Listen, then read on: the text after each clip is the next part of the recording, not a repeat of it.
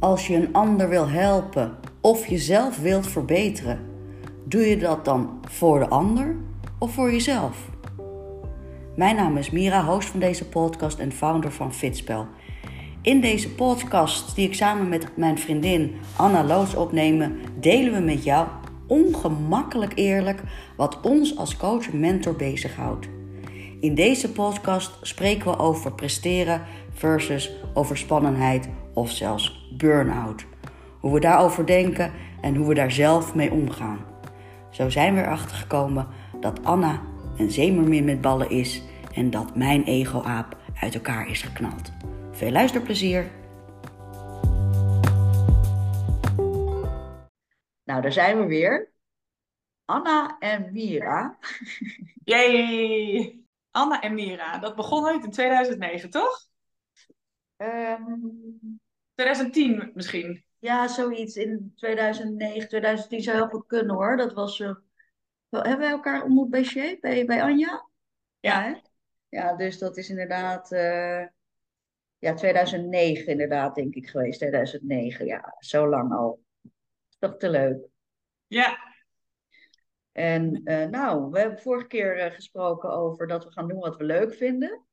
ja, En eh, nou, je hebt het gezien, ik ben flink aan de slag gegaan met alleen maar dingen wat ik leuk vind. Tenminste, ja, ik denk dat ik het leuk vind. Ehm, maar dat is dat tevens moet je weer... dan ook nog maar uitzoeken. Dan denk je dat het, dat is leuk. Dat wil ik liever. Of daar word ik blij van. En dan ga je dat doen. En dan ga je fine-tunen en uitvinden of dat het echt zo is, ja of nee. Ja. Ja, ja, ja. Ja, of het uiteindelijk ook het resultaat gaat geven wat je ervan verwacht misschien. Maar als ik iets leuk vind, dan vind ik het wel iets leuk. Weet je wel? En als ik aan werk, dan wordt het alleen maar leuker. Ja. Ik heb wel dit jaar dat ik dacht, ja, oh ja, ik was helemaal vergeten dat ik het leuk vind om voor de groep te staan. En dat ik dacht, ja, maar de manier waarop ik het nu heb gedaan, dat vind ik wel heel vermoeiend. En dat vind ik echt een stuk minder. Ik kan het nog leuker vinden. Dus dat je Ja. dan, je moet dan gewoon ergens beginnen. Dan denk je, ja, maar dit is echt wel leuk. Dan moet je gewoon gaan schieten op één punt. En dan ging ik, stond ik voor de groep, maar dan had ik drie uur lang een, een soort van masterclass. En toen dacht ik, ja, ik vind voor de groep staan wel leuk, maar dan wil ik het wel anders doen dan dat. En dan gaat het over, eh, dan is de, de voorkant is fysieke dingen. Oké, ja, dat vind ik leuk. En, en dan kan ik, je moet altijd maar gewoon beginnen, denk ik. En dan, zoals jij zegt, dan komt het vanzelf wel. Ja, het is ook natuurlijk wel heel erg altijd een soort van contextafhankelijk, weet je. Voor de opleidingen, als ik doseer, dan wil ik gewoon echt dat techniek is voor mij het allerbelangrijkste. Dat techniek werkt. Dat ik niet eh, eerst een half uur moet bezig zijn hoe ik mijn laptop kan koppelen aan de, aan de beamer en dat soort dingen. Ja. Ehm, dat vind ik wel een voorwaarde voor als ik lesgeef. Maar bijvoorbeeld, laatst gaf ik echt gewoon in een buurthuis eh, een masterclass voor senioren. Nou, dat is de knulligheid ten top, weet je wel. Echt gewoon een kleedje op tafel en zelf mijn beamer meegenomen en dan gewoon op de witte muur projecteren. Ja. Eh, maar vind ik ook helemaal enig, want er komt dan, het was twee meetings. Nou, de tweede, dan hadden ze weer mensen meegenomen, want ze vonden het blijkbaar heel, allemaal heel erg interessant en leuk. En dan komen ze ook, en dat vind ik, ja, ik hou van oudjes. Dan komen ze allemaal met zelfgebakken cake en taart en weet je wel. En dan gewoon echt op die wollige kleedjes. Dat is echt het koffie gewoon door, door de filter, weet je. Geen, geen, Ja. geen echt super heerlijke koffie, maar dan echt zo van die... Dan moet je echt de eerste bakkie scoren, want anders is hij niet meer te drinken. Want ze drinken hem even goed nog twee uur later. Ja, maar het mooie is van dat soort dingen dat het dus niet ontbreekt aan liefde en, en, en care en personal touch. Nee, juist niet. Juist helemaal niet. Want Nee. eh, ik vind het altijd bijzonder hoeveel je kan vertellen tegen ook een groep ouderen waarvan je denkt van ja, vinden ze die dat nog interessant of eh, hebben die er nog wat aan? Nou ja, ik breng het natuurlijk altijd zo dat ze er altijd wel wat aan hebben. Maar het is wel een soort van, hè, want het eerste bijvoorbeeld wat ik dan zeg is ja, oké, jullie zitten hier vitaal ouder worden of leuker ouder worden. Maar ik weet nu al wat jullie denken. Jullie gaan natuurlijk tegen mij zeggen, ik ga mijn gebakje niet opgeven, weet je wel. Dus ik koppel er eigenlijk al in wat ze zelf denken. En dan Ja. is vaak het ijs wel gebroken. Maar dus, de, dus voor het, eh, wat ik heb gemerkt is, want ik vind voor groepen staan eigenlijk het aller, aller, aller, aller, allerleukste wat, ik, eh, wat er is. Maar wat ik wel heb gemerkt is dat het wel heel erg contextafhankelijk is. Dat ik me even senang voel, dus in zo'n buurthuis op zo'n uh, zo'n uh, cafékleedje als uh, een hele grote goede zaal met goede akoestiek en goede techniek en, enzovoort. Ja, want uiteindelijk gaat het over mensen die iets meegeven. En dus ik denk dan dat het, dat het heel erg gericht is op wie zijn die mensen en, ja, precies. en worden ze enthousiast. Het gaat meer over Weet je, wat geef jij ze en wat geven zij terug? En als je dat dan doet, wordt het dan een lekker 1 2 weet je wel. Dan geef jij nog wat en dan geven zij nog wat. En dan, ja, nou, dan vinden het allemaal leuk. En dan geef je nog wat. Of, of ben je gewoon een soort van bad wat leeg loopt? Precies, het is echt zo'n zo'n interactiemoment. Maar dat is wel een leuke, meteen een leuke vraag. Hè? Want we weten alle twee wel van elkaar wat we echt leuk vinden. Maar wat vind jij nou nou, dat varieert dus bij mij. Nee maar, ik wil, nee, maar ik wil het anders vragen. Niet per se wat je leuk vindt, want uh, dat uh, varieert, uh, ja, herken ik ook. Maar ik wil vragen van wat vind je het leukst om aan met mensen te werken? Wat vind ik het leukst om mee te werken met mensen? Dat is de vraag. Nou, niet om mee te werken, maar wat vind je. Waar haal je de voldoening uit om überhaupt te coachen of te mentoren? Wat is dat? Ja, ik wil gewoon. Ik word heel gelukkig van weten dat ik een verschil maak. En dat ik iemand ben dat als je, als je je vertrouwen aan mij geeft. En ehm, in de meeste gevallen dat je me ook betaalt. Ehm, dat ik iets kan toevoegen waar je iets aan hebt. Ja. En ik, vroeger zei ik wel eens van ja, ik wil dat als iemand mij ontmoet heeft die dag. Of gesproken, dat ze dan aan het einde van de dag, als ze over een dag gaan, dat ze dan denken: Oh ja, ik heb Anna gesproken. Ja, dat was iets positiefs. Ja. Dat zei ik vroeger altijd. En ehm, eh, dat loopt een beetje mee met leaving a legacy. Uh, ik doe niet dingen because I want to leave a legacy. Maar een legacy voor mij is dat jij dingen hebt toegevoegd aan anderen en hebt gebracht in het leven. Uh, die, die nog steeds impact hebben, ook al ben ik er misschien niet meer. Ja. Dus als ik met een jong iemand werk die dan iets heeft geleerd, weet je, of het nou één zinnetje is of één techniekje, ja, dat als ik er niet ben, dat ze er dan ook iets aan hebben. Dat vind ik, um, daar word ik gelukkig van. van um, ja, en de voorwaarde is dat, dat ik mezelf ben en kan zijn. Dus door mezelf te zijn en te show up with all the skills that I have, ja, dat ik, dat ik een verschil maak. To make a difference. Dat is waar ik zelf heel erg gelukkig van word. Um, en ik heb daarin onderwerpen gekozen die daadwerkelijk een heel groot verschil maken in mensen hun leven. Ja, uh, ja. Dus er is... Maar heb jij, heb jij wel eens... Kijk, ik krijg... Ik zat toevallig kreeg ik van de week een hele mooie feedback van, uh, van coachie. Wij noemen dan coaches, hè, als cliënt of coaching, whatever. Uh, want ik krijg echt, nou ja, steenvast krijg ik als feedback te horen van ja, je hebt mijn leven veranderd, bla bla bla. En ik heb tot inzicht gekomen, bla bla bla. Ik zei, nou ja, oké, okay, dat is ook inherent aan mijn werk, weet je wel. Dat is. Maar van de week, ja, dat is. ja, oké, okay, ja, je hebt mijn leven veranderd, oké, okay, ja. Ja, nou ja, dat is, dat is een beetje wel inherent aan het werk, vind ik. Maar uh, ja. wat, uh, vorige week uh, kreeg ik echt een van mijn mooiste feedbacks van een klant. En die ging helemaal niet zo over haar leven veranderd. Nou ja, indirect natuurlijk wel. Maar die zei, vond ik echt heel mooi. Zei, ja Mira, het mooiste van jouw manier van, volgens mij zei ze zijn, volgens mij zei ze niet eens coachen, maar, maar dat weet ik niet precies zei ze van, uh, ja, jij bent, jij stelt nieuwsgierig vragen zonder pusherig te zijn. Je luistert oordeelloos. Nou, dat is toch mooi? Vond ik zo mooi dat ze dat zo zei. Helemaal niks ja. over van je hebt mijn leven veranderd of ik ben tot inzicht gekomen, bla bla. Maar dat vond ik zo mooi dat ze dat zei. Nou, ja. naar mijn idee ja. gaat, gaat mij, in ieder geval vanuit mijn visiecoaching daar ook over. Dat mensen leren nieuwsgierig naar zichzelf te zijn en daarmee nieuwsgierig naar het leven. Maar dat vond ik een hele mooie. En wat is de kuttigste klant die je hebt? Wat, nice. kan je, wat, wat, wat zou de rottigste klant zijn? Ja, die hebben we ook natuurlijk. We kunnen niet altijd zeggen, we kunnen... Die zijn er ook zeker te weten. Um, we kunnen wat iedereen helpen, maar we willen niet iedereen helpen. Nee. wat ik wel heel leuk vind om toe te voegen is, ik heb er nooit aan gedacht... Ik heb er eigenlijk nooit zo over gedacht dat het, ja, het is je werk om iemands leven te veranderen. Um, daar heb ik zo nooit over nagedacht. Daar ben ik het helemaal mee eens.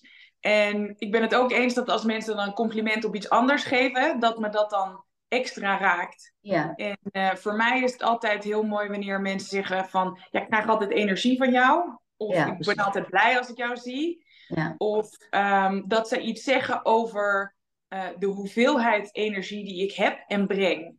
En Ja. ehm, hoe zij zich voelen omdat ik er ben. Of omdat Ja. ze met mij aan het spreken zijn. Want dat is een compliment aan mij als mens. Waar ik elke dag hard voor werk. Ja. Ik vind altijd dat de gouden regel voor mij hoort te zijn. Want ik werk aan mensen hun lijf en met hun blessures. Ik werk met mensen hun hoofd. En dan alles gelinkt weer met het lijf.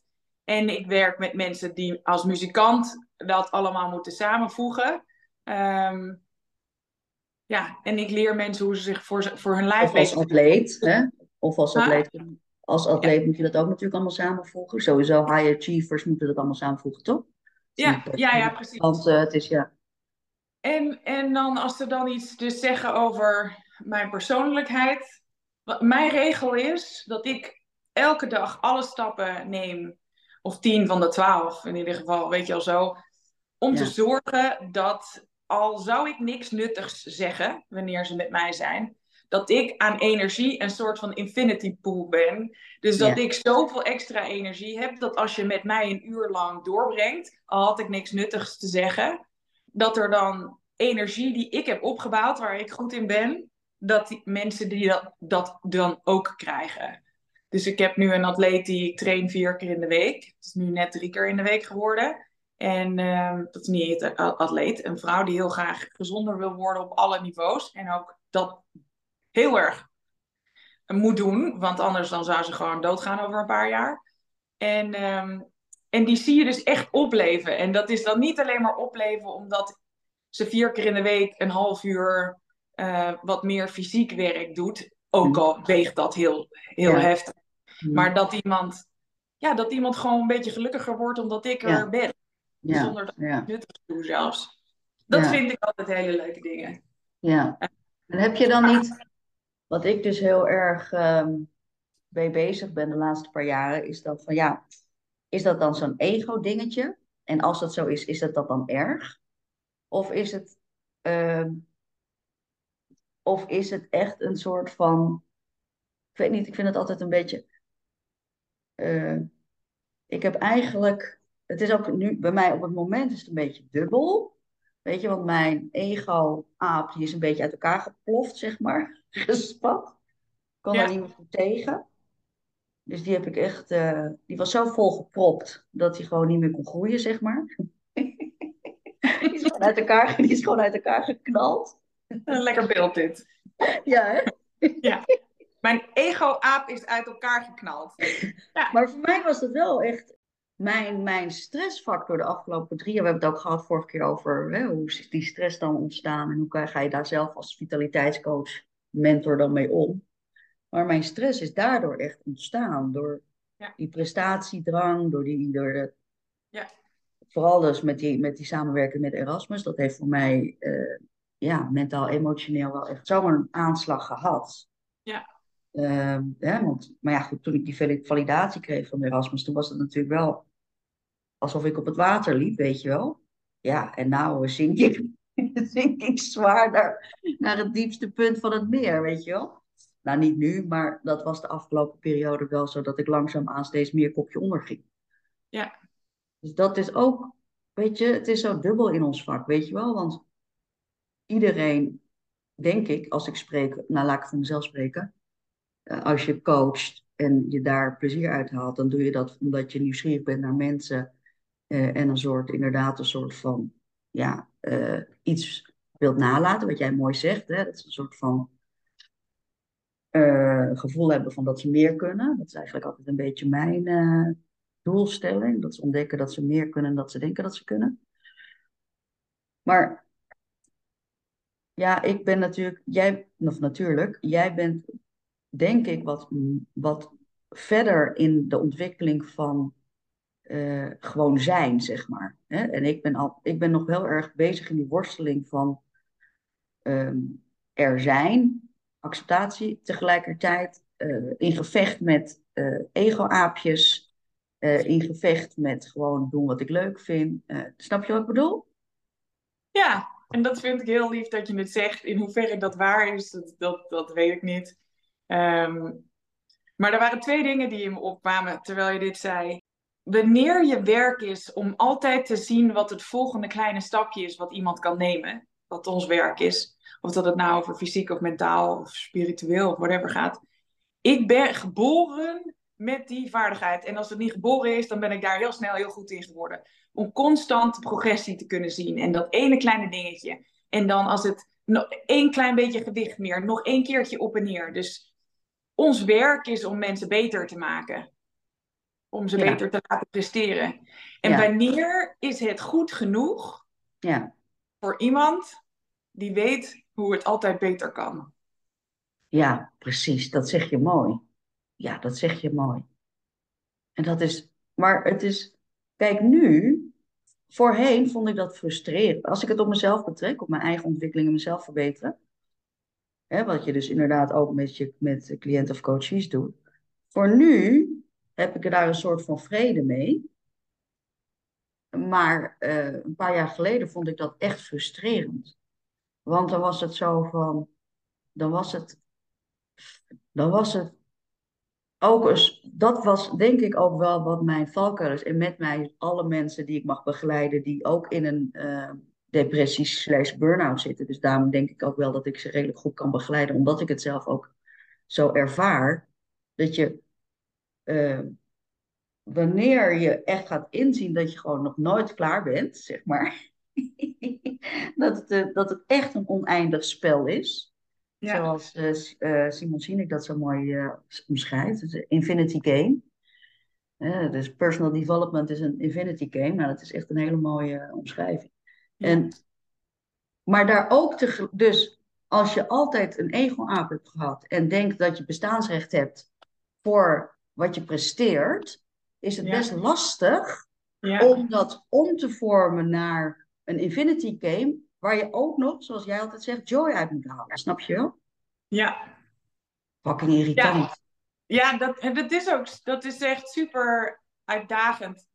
Ik weet dat toen ik in Amsterdam woonde voor uh, zeven jaar, dat daar, uh, nou, ik denk misschien wel vijf jaar. De eerste twee jaar waren zo zwaar dat ik mezelf weer bij elkaar moest rapen. Maar de laatste vijf jaar, die waren echt volledig performance gericht. En ik, in essentie denk ik dat ik niet echt heel erg performance gericht ben. Maar dat mijn familie dat meer is. En dat ik dat dus ook heb aangeleerd. En dat ik heb gezien dat zij vonden dat als ze performance gericht bezig zijn, dat ze dan daarom beter zijn dan ik. En ik dacht altijd, ja, wat een bullshit. Dat vind ik nog steeds. Maar toen ik in Nederland woonde, dacht ik wel van, nou, we zetten hem even aan.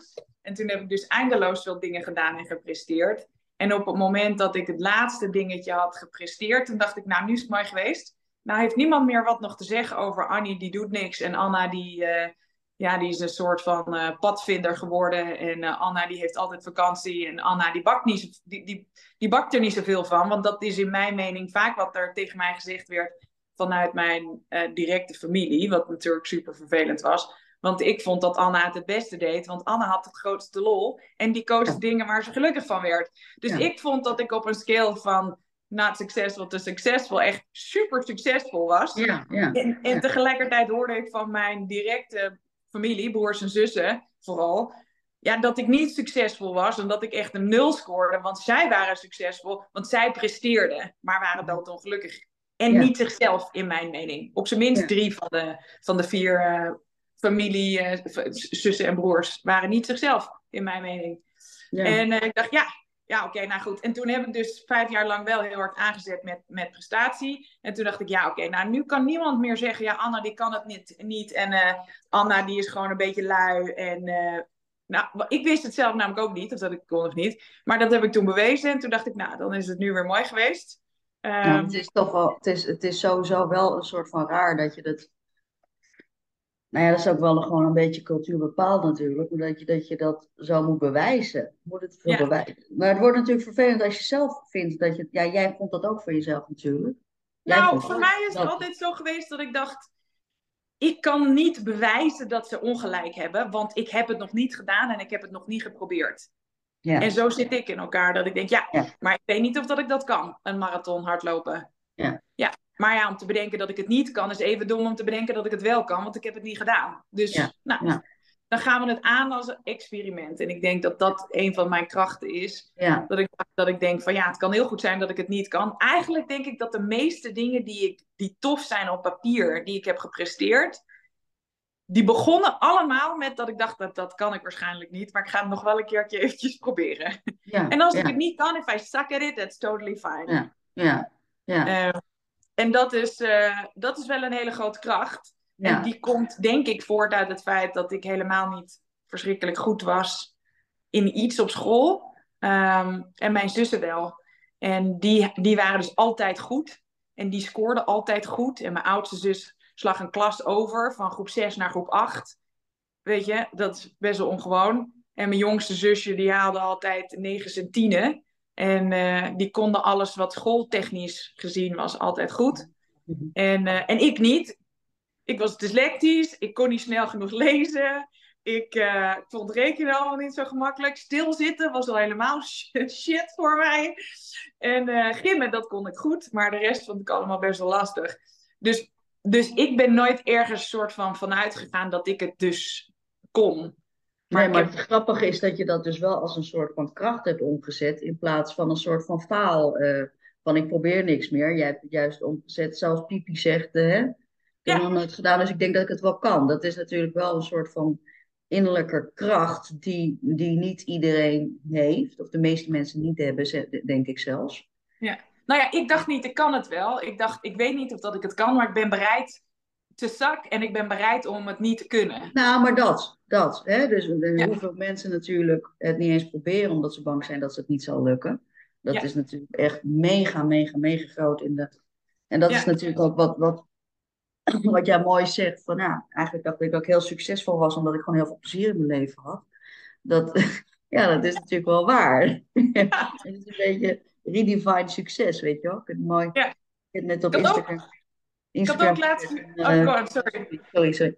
ik had net op Instagram eh, een, uh, op mijn stories een, een hele mooie definitie van succes van Emerson gezet. Wat, waar het uiteindelijk, eigenlijk wat jij zegt, moet je zomaar eens kijken. Eigenlijk wat jij zegt is precies die omschrijving. Weet je, als je succes is gewoon als je de wereld verlaat, al is er maar één iemand in je leven die uh, kan zeggen van dat je invloed, positieve invloed hebt gehad. Als je maar één iemand elke dag laat lachen of een glimlach laat geven. Of, nou, super mooie, super mooie definitie. Maar, maar, maar ik uh, denk niet dat die kracht is voortgekomen uit uh, dat die. Die is helemaal niet zo voorgekomen uit dat ik nou vond dat dat een slimme manier is of zo. Ik denk dat dat de manier is die ik heb gevonden omdat ik eigenlijk nooit goed genoeg was in, in vergelijking met mijn oudste zus. En uh, die kon ja, lezen. En die, ja, maar ik vind het wel bijzonder. Dat heeft natuurlijk ook wel natuurlijk altijd te maken met hoe je opgroeit en wat je opvoeding is. Want dat gevoel van niet goed genoeg zijn, dat herken ik heel erg. En dat heeft gewoon ook met mijn adoptie en alles te maken. En hoe ik dan de eerste jaren in Nederland eh, ben opgevangen en dergelijke. Maar ik zie, ik weet niet in welke mate bij jou dat echt ook zo is. Tenminste, ik ervaar jou, laat ik het zo zeggen. Ik ken jou als iemand. Natuurlijk heb je ook je zwarte, zware momenten, je moeilijke momenten en dieptemomenten. Maar ik, ik, ik, als ik het vergelijk met de lichtheid van het bestaan voor jou ten opzichte van mij. De lichtheid van het bestaan, dan zit jij echt, er, echt ergens tussen een 7 en een 9. En ik zit ergens onder min 10 of zo. Oh god. ja, dat is een beetje overdreven, maar uh, uh, afgelopen drie jaar zat ik echt nou erg, ergens rond de drie of zo. En dat is ook, dat is, dat is het grootste verschil, weet je wel. Het is gemakkelijker. Het is, het is, het lijkt, ik weet niet of het zo is, want je moet correct me if I'm wrong, maar het lijkt, het lijkt zo heerlijk als je echt zo, zo positief, echt ik, ik zeg altijd, positiviteit moet je leren, of kan je leren, omdat ik het mezelf heb aangeleerd, weet je wel. Want ik was helemaal niet positief. Ik was eigenlijk best wel negatief en zwaarmoedig. En uh, ja, ik, ik, ik, vind het leven, ik vond het leven in ieder geval altijd best heel zwaar. Ja, het is het ook. Ja, de, de, manier waarop iemand dus, hoe jij ermee omgaat of hoe ik ermee omga, dat zijn toch wel echt twee verschillende dingen. In wat voor manier vind jij dan dat het zo anders is? Eh, nou, vooral denk ik, vooral dat, vooral de lichtheid ervan. Weet je wel, vooral de lichtheid ervan. Maar ik, ja, ik vind dat, ik vind dat interessant om te horen. Ehm, maar ik denk dat de lichtheid komt van de hele zware, heftige dingen. Ehm, ik, ehm, ik ben, en dat gaat dan ook een beetje over de ego. Ik, ik heb ook dingen gedaan waarvan ik dacht, ja, dat is, dat is dan super tof als ik dat dan kan doen. Want dat, want dat bewijst dan dat ik iets goed kan. Ja. Weet je, dan verdien ik zoveel. Of ja. weet je wel, dat soort dingen. En uiteindelijk maakt me dat dan helemaal niet zo gelukkig. Ik heb vorig jaar heb ik een jaar gehad waarop mijn cliënten invla, invlogen om met mij te komen werken. Nou, daar had ik mijn hele leven al naartoe gewerkt. En dan had ik al van gezegd, in 2020 had ik voor het eerst op een website geschreven, je kan ook invliegen om met me te komen werken. En dan werk je een hele week aan je lijf. Nou, dat gebeurde dus in 2022.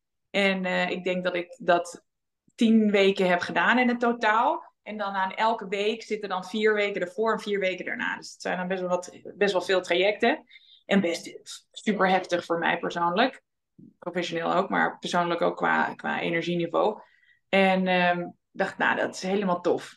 En ik heb daar met mensen gewerkt, want je vroeg van uh, wat voor mensen zijn dan niet zo leuk om mee te werken. Nou, mensen die dus wat minder leuk is voor mij, zijn mensen die me echt heel veel energie kosten. Mm en uh, als ze dat, ja, mensen die me echt heel veel energie kosten, dat ik dus echt gewoon van de leg ben, ja, dan vind ik het niet leuk. En dan heb ik ook gelukkig te veel lelijke dingen gezien in het leven, dat ik heel erg snel op een punt ben van ja, ik heb geld nodig, maar ik ben niet bereid om met mijn welzijn te betalen.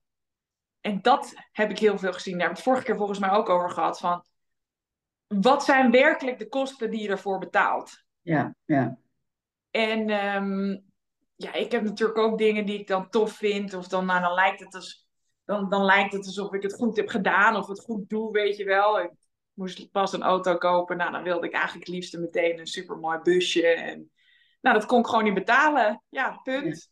Ja. Maar dan wilde ik wel een auto waar de lak in ieder geval nog goed erop zat. Want hier in Portugal gaat het er best wel snel af. En ik zei, ja, ik kan niet bij een cliënt aankomen met een bak die uit elkaar valt, waar geen goede verf nog op zit. Toen dacht ik, ach, Annie, je hebt gewoon een auto nodig. Ja, wat voor auto dan ook. Weet je, dan zit ik mezelf echt in de weg. Ja. En uh, uh, ja, dus dat, dat, dat gebeurt natuurlijk bij mij ook. Maar mensen die me heel veel energie kosten, dat vind ik niet leuk. En op een gegeven moment dan realiseer ik me de prijs die ik ervoor betaal. En ik denk dat ik daar best snel in ben vergeleken met andere mensen. En dat mijn willingness to pay uh, bepaalde dingen. Dat, dat, dat de snelheid waarop ik zie wat ik, er voor, wat ik er werkelijk voor betaal, dat die heel hoog is. En dat mijn uh, bereikbaarheid om die dingen te betalen heel erg laag is. En ik denk dat dat een hele goede combinatie is. Ja. ja. De, de snelheid van zien wat je ervoor betaalt en de bereidheid om dat soort dingen ervoor te betalen. En dan heb ik al heel snel dat ik denk, nou, ik verdien liever 40 euro per uur.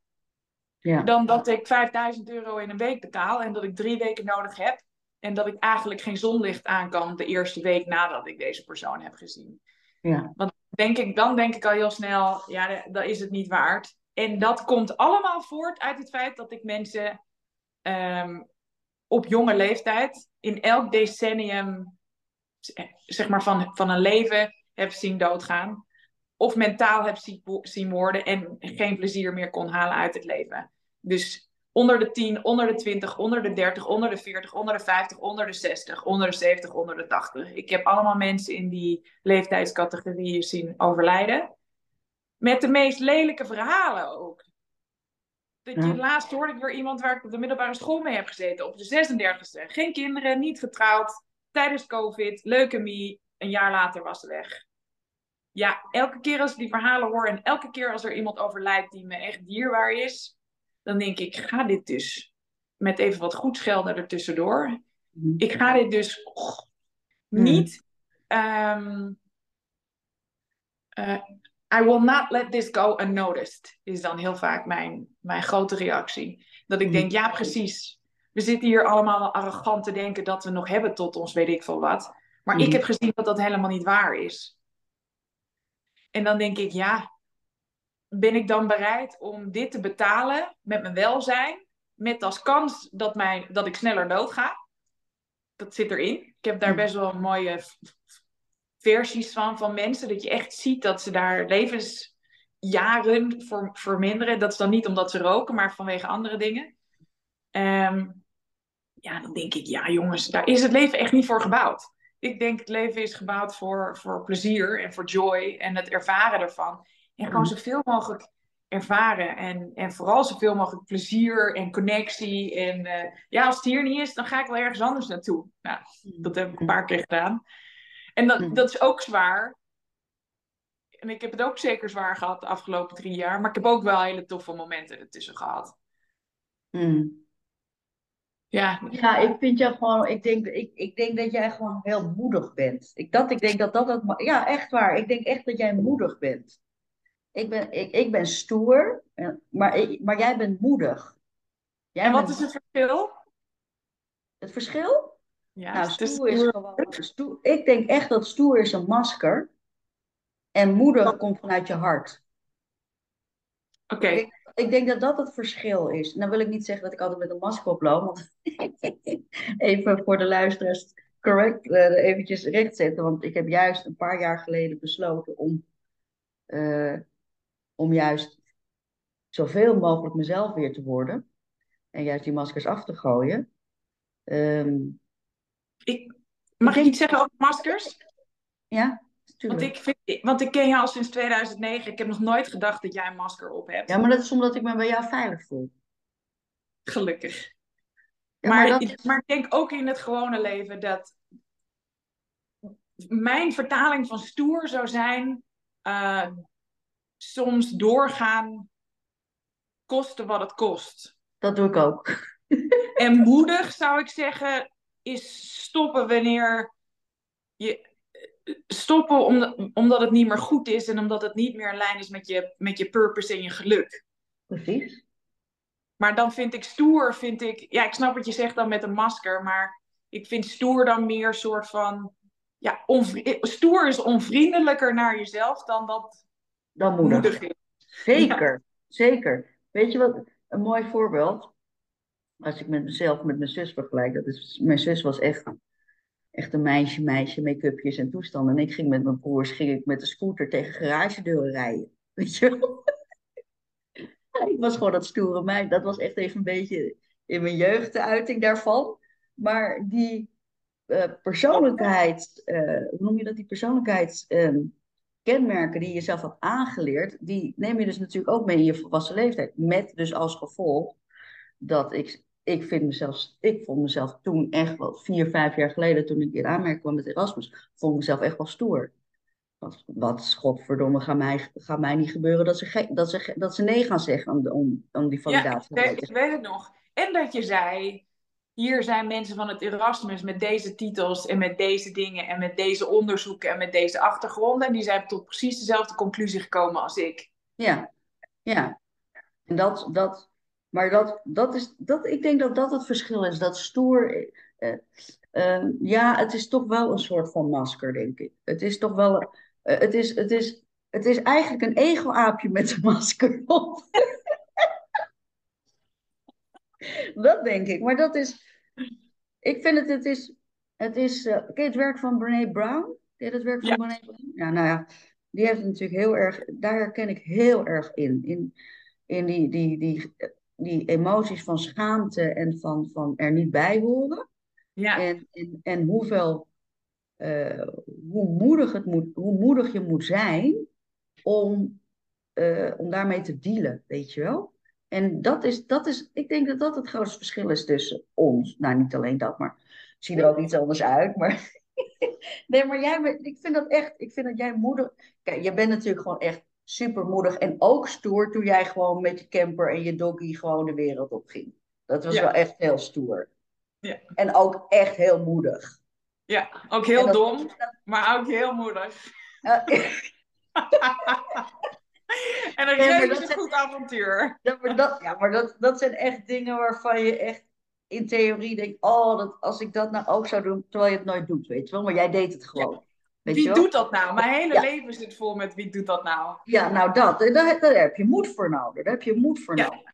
Ja. En dan heb je een, toch een, een soort van, denk ik dan, een soort van innerlijk vertrouwen van nou, voor nodig, van het komt wel goed of zo. Het komt wel goed. Ja, Of- of als het niet goed komt, dan kan ik het ook nog steeds. Ik, ik, ik weet niet of dat ik, of dat ik altijd heb gedacht van het komt wel goed. Maar ik heb gedacht, ja, het is moeite waard om te proberen, op zijn minst. Ik heb een leuk voorbeeld. Vorige week ehm, moest ik naar een cliënt en daarvoor zou ik in de oceaan zwemmen. 8 uur 30 gaan mensen hier op bepaalde plek in de oceaan zwemmen. Vind ik altijd hartstikke leuk. Lucky Dip heet het. Dus ehm, ik ging eerst naar de Lucky Dip en dan daarna door naar mijn cliënt. En ik kwam daar aan en ik dacht, ja, ik ben dus en mijn bikinibroekje vergeten en mijn handdoek. en ik keek in de oceaan en dacht, ja, maar ik wil heel wel heel graag gaan zwemmen. En eh, toen dacht ik, ja, nou, er zijn twee van mijn vriendinnetjes in het water en een of andere dude die ik verder niet ken. Dus ik dacht, ja, maar ik wil zwemmen. Ja.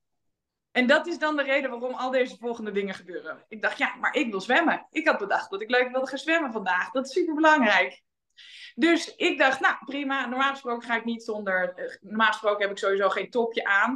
Toen dacht ik, nou, ik wandel gewoon in mijn string naar beneden. Dan leg ik die op de rotsen dicht bij het water. En dan wandel ik in mijn naki het water in. Dan ga ik lekker skinny dippen. En eh, nou, daar denk ik dan verder niet heel erg over na. Dat is heel handig. ik heb de hele grote kracht om geen is-teken aan het einde van dingen te zien. Van ja, of wat vindt die gast er dan van? Of Ja. weet ik veel. Daar denk ik allemaal niet over na. Ik dacht, ja, maar ik wilde graag zwemmen. Dus nou, Ja. Annie gaat zwemmen. Dus ik ging het water in. Ik zag mijn lieve vriendinnetjes en zei, hey, hey. Kus, ik, zei, ben, ik ben naakt, maar als je het niet erg vindt, dan geef ik je een kus. Nou, dus ik heb mijn vriendinnetjes een kus gegeven. En die gast die stond er dus naast. Ik dacht dat die Engels of, of Zweeds was. Maar het bleek Nederlands te zijn. Dus ik zo, oh ja, ik ben dus naakt, maar ik wil wel je een knuffel geven als je wil. Nou, zegt hij, doe maar. Ja. Dus Ja. ik dacht, nee, prima, krijg jij een knuffel. En ik denk daar dan echt verder helemaal niet over na. En toen was ik nog met hem aan het kletsen, wat een superleuk gesprek was. En ehm ja, ik heb het wel koud nu, ik moet er wel uit. Ik zei, oh ja, oké. En toen dacht ik, ja, ik kan er dus nu uitlopen en een soort van beetje, soort van doen alsof ik ashamed ben. Ja. Wat ik niet ben, maar misschien dat ik mezelf, maybe I have to cover myself for you. Maar Ja. ik dacht, ja, ik kan dus nu een beetje een soort van beschaamd het water uitlopen en alles. eh, ik dacht, of ik doe dat niet. En dan denk ik dat iedereen zich gemakkelijker voelt. Ja. Toen dacht ik, ja, doe ik dus lekker alsof er niks aan de hand is. Loop gewoon lekker in mijn naakje het water uit. En toen stond er een vriendje ietsje verderop nog. En die zei, hey Anna. Dus toen was ik in mijn naakje. Toen zwaaide ik nog even rustig naar hem. en toen pakte ik mijn string en die deed ik aan. En toen Ja. gingen we naar boven. En toen ging ik nog eventjes douchen. Toen dacht ik, ja, ik moet mijn string nu wel uitdoen. Want anders is hij uiteindelijk nog steeds zeiknat. En toen kwam die Nederlandse gast naast me staan. Die ging ook douchen. Ik dacht, ja, ik doe nou ook gewoon alsof er aan de hand is. En dat vind ik dan een betere oplossing dan een beetje een soort van beschaamd zijn of zo. Want dat ben ik ook niet, dat ben ik ook niet echt. En, ehm, en dat was wel heel erg grappig, want hij, vond dat, hij waardeerde dat dus enorm, begreep ik achteraf. En dat vond ik dan weer heel erg leuk. Toen dacht Ja. ik, ja, ja, ja, soms, ja, soms moet je het maar gewoon doen. En dan moet je maar kijken waar het schip schandt. Dat heb ik echt heel, veel, heel vaak gedaan. Ja. En ik denk er dan ook niet te veel over na. Denk ik, ja, oké, ja. Maar ik wil zwemmen. En dat deed ik ook met die bus. Ja, maar ik wil op een andere plek wonen. En ik, ik moet verschillende plekken, op verschillende plekken leven. En ik kan niet zoveel aan huur betalen. Ja, nou, dan heb je een, een huis op wieltjes nodig. Ja, Ja. Ja. Ja. nou, dat was heel dom. Want ik, ik, had nog nooit, ik had nog nooit één nacht in een camper geslapen. In een, in een oude motorhome. En uh, nou, ja, betaal, ik betaal er ook keihard voor. Hè? Dus het is aan de buitenkant. Hoe heette die, uh, hoe heette die, caravan, die camper ook alweer? Hoe noemde je die ook alweer? Uh, Colin the Camper. Ja. Colin the Camper en Expedition Freedom heette het. Ja, Colin the Camper Expedition Freedom. Ja, dat is toch te prachtig. Dat Ja, is in, toch... ieder, in ieder geval, wanneer ik doodga en op mijn, op mijn bed lig, hopelijk heb ik dan nog een paar minuten om even goed over het leven na te denken. Niet de hele jaren, dat lijkt me nou verschrikkelijk. Maar dat ik dan terugkijk, dat is voor mij heel erg belangrijk. Growing old gracefully. En dat als ik terugkijk, dat ik denk, I knocked it out of the park. Weet je wel? Ik heb er echt alles uitgehaald wat erin zat. Ik heb er ook super duur voor betaald. Want al die gekke dingen die ik heb gedaan. Ik woon nu een jaar in, eh, in Portugal. En het is een jaar lang echt super challenging geweest. Maar achteraf denk je, ja, het was wel allemaal de moeite waard. En het zijn allemaal wel te gekke verhalen, weet je. Ja. Wat gaan we doen in de komende twee weken? Voor de aankomende twee weken. Ja. Nou, er zijn twee dingen natuurlijk eh, eh, in de maak en in, eh, in waar ik enthousiast word. Dat is natuurlijk het eerste programma samen met jou, Ultimate. Ja. Die staat al online. Als mensen naar www.fitspel.nl gaan en dan naar coaching, dan kunnen ze Fitspel Ultimate vinden. Als de luisteraars dit als podcast luisteren. Anna gaat jullie dan opengeleiden. Dus dat is heel tof. Ehm, en tweede is de retreat, waar ik dus nu mee bezig ben. Ik ben dus nu net voor, jou, voor ons gesprek was ik bezig met de locatie eh, en berekeningen daarop te maken. Het is echt, ik heb zo'n mooie locatie midden in de hei en in de bossen. En eh, echt prachtig, prachtig. En, maar goed, dat kost wel een beetje. Dus dan eh, moet je natuurlijk ook weer de tarieven voor de cliënt een beetje omhoog schroeven. Eh, dus dat, maar dat, ja, dat vind ik gewoon echt. Als dat gaat werken, dan, dan eh, word ik heel blij. That's it. Ehm, dat maakt ook ruimte voor eh, eh, creativiteit. En dat is voor mij altijd het belangrijkste. Als ik merk van dat ik na moet denken over wat ik leuk vind, dan gaat het eigenlijk niet goed. Ja. Als, ik na, als ik na moet denken over content of als ik na moet denken van hoe kan ik dan dat aanpakken, dan gaat het eigenlijk niet goed, weet je wel. Bij mij voel ik, weet ik dat het goed is als het gewoon begint te stromen en door het stromen het eigenlijk steeds beter wordt. En jij? Ik ben deze week weer begonnen met trainen. Voor jezelf of met cliënten? Met rigoureus trainen voor mezelf. Rigoureus en serieus trainen voor mezelf. Ehm, en eh, daarin heb ik denk ik voor het eerst sinds een hele lange tijd ehm, dat ik denk, ja, want we zeiden deze, dit gesprek zeiden we voor iemand die weet hoe het altijd beter kan en dat je altijd beter kan presteren. Voor, wanneer is het dan goed genoeg voor zo iemand? En, Ehm, ik weet dat een van de dingen die ik altijd super mooi vond was eh, Abraham Hicks. Die zegt altijd van je krijgt het nooit af. Je moet het ook nooit af willen krijgen, dat gaat ook niet. Maar tegen de tijd dat je denkt dat je het bijna af hebt, ga je ook meestal bijna dood. Ja, Ehm, ja dus precies. je Dat krijgt het zeg ik nooit af. altijd. Ja, perfectie is pas als je in de kist ligt. Als je het goed hebt gedaan. Ja. Ja. Ja. Dus je krijgt het nooit af. You're never Ja. gonna get it done. Maar, en als je andere en nieuwe dingen wil, die je dan weer creëert, dan is het wel belangrijk eh, dat dat komt van het hier is het heel erg leuk. En ik denk dat dat ook heel leuk is. Dus ik ga mijn best doen om ook daar te komen. Ehm, en ik denk dat dat voor het eerst een hele lange tijd is qua trainen. Dat ik denk van nou, ik ga gewoon vier keer in de week, I'm just gonna turn up. Ik heb een uur elke keer. Vandaag heb ik dan een uur en een kwartier. Eh, dan doe ik wat meer soort van rehab werk.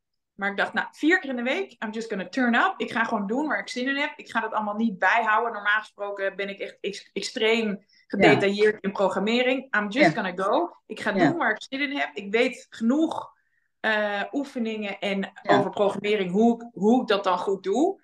En ik ga dat doen vier keer per week, vier weken lang.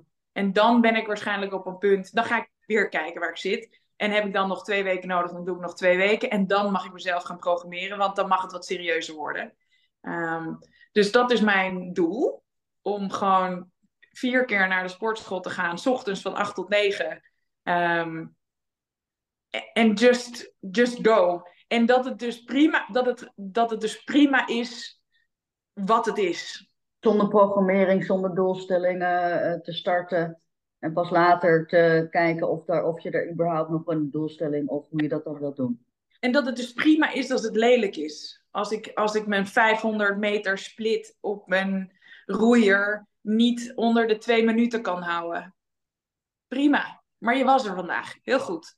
Ja, En, en dat ik, nou ja, vroeger kon ik een, eh, weet je, dan was een clean and jerk, was 80 kilo, was prima. Nou, eh, ik heb nu pijn als ik, eh, als ik, als ik 10 keer een 15 kilogram bal over mijn schouder heen heb gegooid. Ja, met precies. een beetje Ja. vaart, weet je wel. Ja. En dus om gewoon, gewoon gelukkig te zijn dat ik, dat ik het doe, dat ik me sterker voel, dat ik geniet van dat mijn lijf heeft bewogen. En dat ik, ja, dat is mijn eh, doel op eh, trainingsniveau. En dat ik gewoon, en dat ik de rust heb in mijn werk. Dat iedereen vanzelf wel naar me toe komt. Eh, die gast die ik dus in het water tegenkwam, die het zo mooi vond dat ik ging, eh, ging skinny dippen. eh, die komt deze week volgens mij terug naar Erisada. Dus daar ga ik ook nog wat gezelligs mee doen. Dat, dat is een heel belangrijk doel. Heel belangrijk. Ja. Ja, en dan zie je ook meteen wel weer bij deze laatste opmerkingen het verschil tussen jou en mij. Dat jij. Nee, dat jij dus echt de prestatie, of de, de doel, of de doelen niet eens, maar de, de, de wensen voor jezelf uitspreekt. En bij mij is de wensen voor de, mijn werk. Snap je wat ik bedoel? Bij jou is het gericht op wat jij echt wil. En bij mij, mij is het wat voor, voor mijn werk echt wil. Nou, wat wil jij dan naast je werk echt? Nou, dat weet ik niet. ja, ik wil, dat, dat, dat is echt fucking irritant. Je wil s ochtends lekker met je hond wandelen. Ik ja, weet dat, dat, doe je ik al, dat doe ik al. Ik ben Dat elke, maakt niet uit. Dan kan je ik ben nog steeds elke voor de ochtend komende twee weken. zeven, ja, ik ben elke ochtend kwart over zeven ben ik 20 minuten wandelen en dan 20 minuten mediteren slash ademhalingsoefeningen. Dus dat is sowieso altijd mijn ochtend. Maar Dus dat- just because you do it already, betekent niet dat je het niet nog graag mag willen. Je hoeft niet alleen maar performance dingen te willen. Nou, ik maar dat, lekker doorgaan daarmee. nee, maar dat is wel het verschil. ik, ja, maar echt. Ik noem het niet eens, want voor mij is het gewoon, daar, heb, daar bereik ik niks mee, zeg maar. Snap je wat ik bedoel? Snap je? Ja, het- ik bereik er natuurlijk indirect best wel wat mee, dat ik dat elke ochtend, dat ritueel, ochtendritueel, maar het is niet, het is niet noemenswaardig of zo voor mij. Snap je wat ik bedoel? Nee, daar ben ik het ook echt helemaal niet mee eens. Het is super benoemenswaardig, want het is elke dag doe je reuze je best om genoeg energie te hebben. Voor jezelf, voor je werk, voor je echtgenoot, voor je dochter. Dat is, dat is toch uiteindelijk, denk ik, ik, ik heb dit nu al een paar, twee dagen of zoiets in mijn hoofd. Ik dacht, ben ik dan niets meer dan een, dan een optelling van dagen waar ik alles wat belangrijk is voor mijn welzijn aan het doen ben? Want ik ben er Jij doet super- dat wel. Ja, nou ja, dat gaat het ene, ene maand gaat het beter dan de andere maand. Nu is het gelukkig, gaat het weer goed, want dat was best wel stressvol de eerste paar maanden. En als het, als het lekker gaat, dan, dan, dan kan ik dat nog beter. Maar dat is ook uitdagend voor mij als het, als het een, een uitdagende tijd is. Maar je, je mag, tenminste dat vind ik, dat zijn mijn regels. Je mag dus zeggen, ja wat wil je? Ja, ik wil dus gewoon, ik wil heel graag volgende twee weken die dingen doen die belangrijk voor me zijn. Om te zorgen dat ik lekker in mijn vel zit en dat ik genoeg energie heb. Uiteindelijk zijn dat voor mij basisdingen om te zorgen dat ik gelukkig kan zijn in het leven. Want als ik niet lekker voor mezelf zorgde en niet genoeg energie had, dan had ik ook bij het water kunnen staan, kunnen denken: geld, geld, geld, geld, geld. Stomme Anna, je bent je spullen vergeten. Nou, dan wordt het dus niet zwemmen. Maar omdat ik die omdat ik die dagelijkse dingen wel doe en daar goed voor zorg, betekent het dat ik dacht, ja, maar ik wil zwemmen, dus ook al zit er een kerel in Ja. het water die ik niet ken, dan ga ik Ja. gewoon. Die je gewoon gaat ontmoeten. Dat is wel heel grappig, want achteraf leerde ik hem ook een aantal dingen van hoe hij beter voor zijn rug kan zorgen, want hij heeft problemen met zijn rug. En toen noemde hij me de zeemermin met de ballen. Toen dacht ik, nou, dan heb je toch een hele goede samenvatting gegeven Ja, dat is wel een hele leuke. Dat is echt wel een hele leuke. Ik zie het ook, ik, ik ben heel beeldend, hè, dus ik zie het ook nu gewoon echt voor me. Ja, Ja. geweldig.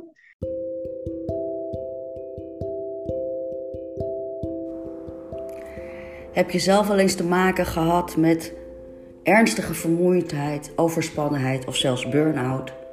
We weten als geen ander hoe dat voelt. Het lijkt alsof de wereld niet meer bestaat, aan je voorbij gaat zonder dat je er nog deel aan kan nemen. Dat alles ongrijpbaar ver weg ligt. En juist omdat we weten dat je daaruit kan komen, hebben Anna en ik hiervoor een prachtig programma ontwikkeld, namelijk Fitspel Ultimate. Dit programma is echt voor mensen die echt zelf willen transformeren. En omdat we werken met datafeedback, kunnen excuses de prullenbak in. Niet omdat we per se willen confronteren, maar omdat we je daarmee inspireren zelf je maskers af te willen zetten om het leven te leiden dat je wilt leiden. Met rust in je kop, in een gezond lichaam en meer geluk. Meer hierover kan je vinden op www.fitspel.nl schuine-ultimate. En wil je meer weten over Anna? Check dan even de caption bij deze podcast. Dank voor het luisteren. Dag.